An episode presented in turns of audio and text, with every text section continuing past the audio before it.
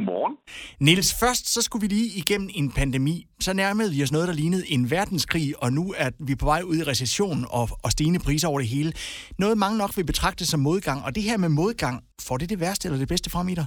Ja, det er et godt spørgsmål, øh, og jeg tror, det er jo nok i virkeligheden begge dele for mange af os. Man kan ikke altid sådan lige afgøre. Det, det har lidt med humøret at gøre, og, og hvor man står hen i livet.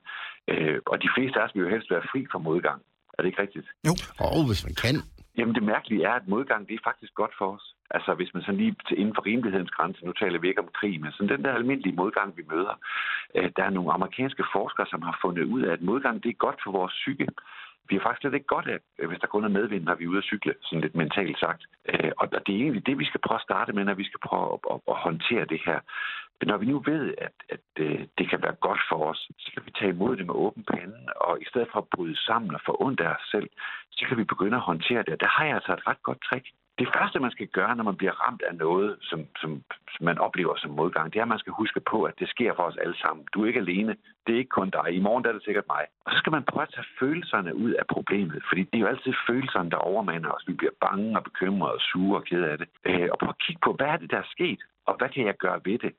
Og hvis man ikke kan gøre noget ved det, jamen, så skal man selvfølgelig øve sig i at prøve sit pyt og komme videre med, med de ting, man kan gøre noget ved. Og hvis man kan gøre noget, så har jeg faktisk et, et, et virkelig godt trick, som, som øh, jeg selv øver mig i hver eneste dag. Og det er, at man skal gøre noget ved det nu med det samme.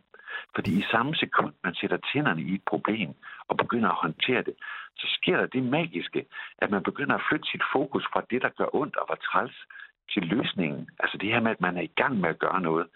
Og på den måde, så kommer modgangen til at fylde mindre. Og man kan rose sig selv for, at man tager action og gør noget, man kan være stolt af. Lyder det ikke rart? Det lyder rigtig, rigtig rart. Jeg tænker dog, at der kan være nogle ting, hvor uanset hvor meget du tager fat om, om Nellens rod, kan det være svært. Det her med, når, når en, en liter brændstof koster næsten 20 kroner, og en pakke hakket oksekød koster 50, det kan du vel ikke gøre så meget ved her nu? Nej, og det er jo der, nu kommer det til at lyde som om, det er super, super nemt, og det er det ikke. Men, men sådan nogle ting, som man ikke kan gøre noget ved, dem skal man prøve at se, om man kan få til at fylde mindre, fordi der kommer ikke noget godt ud af at gå og være ked af det. Det er det, man skal holde sit fokus på.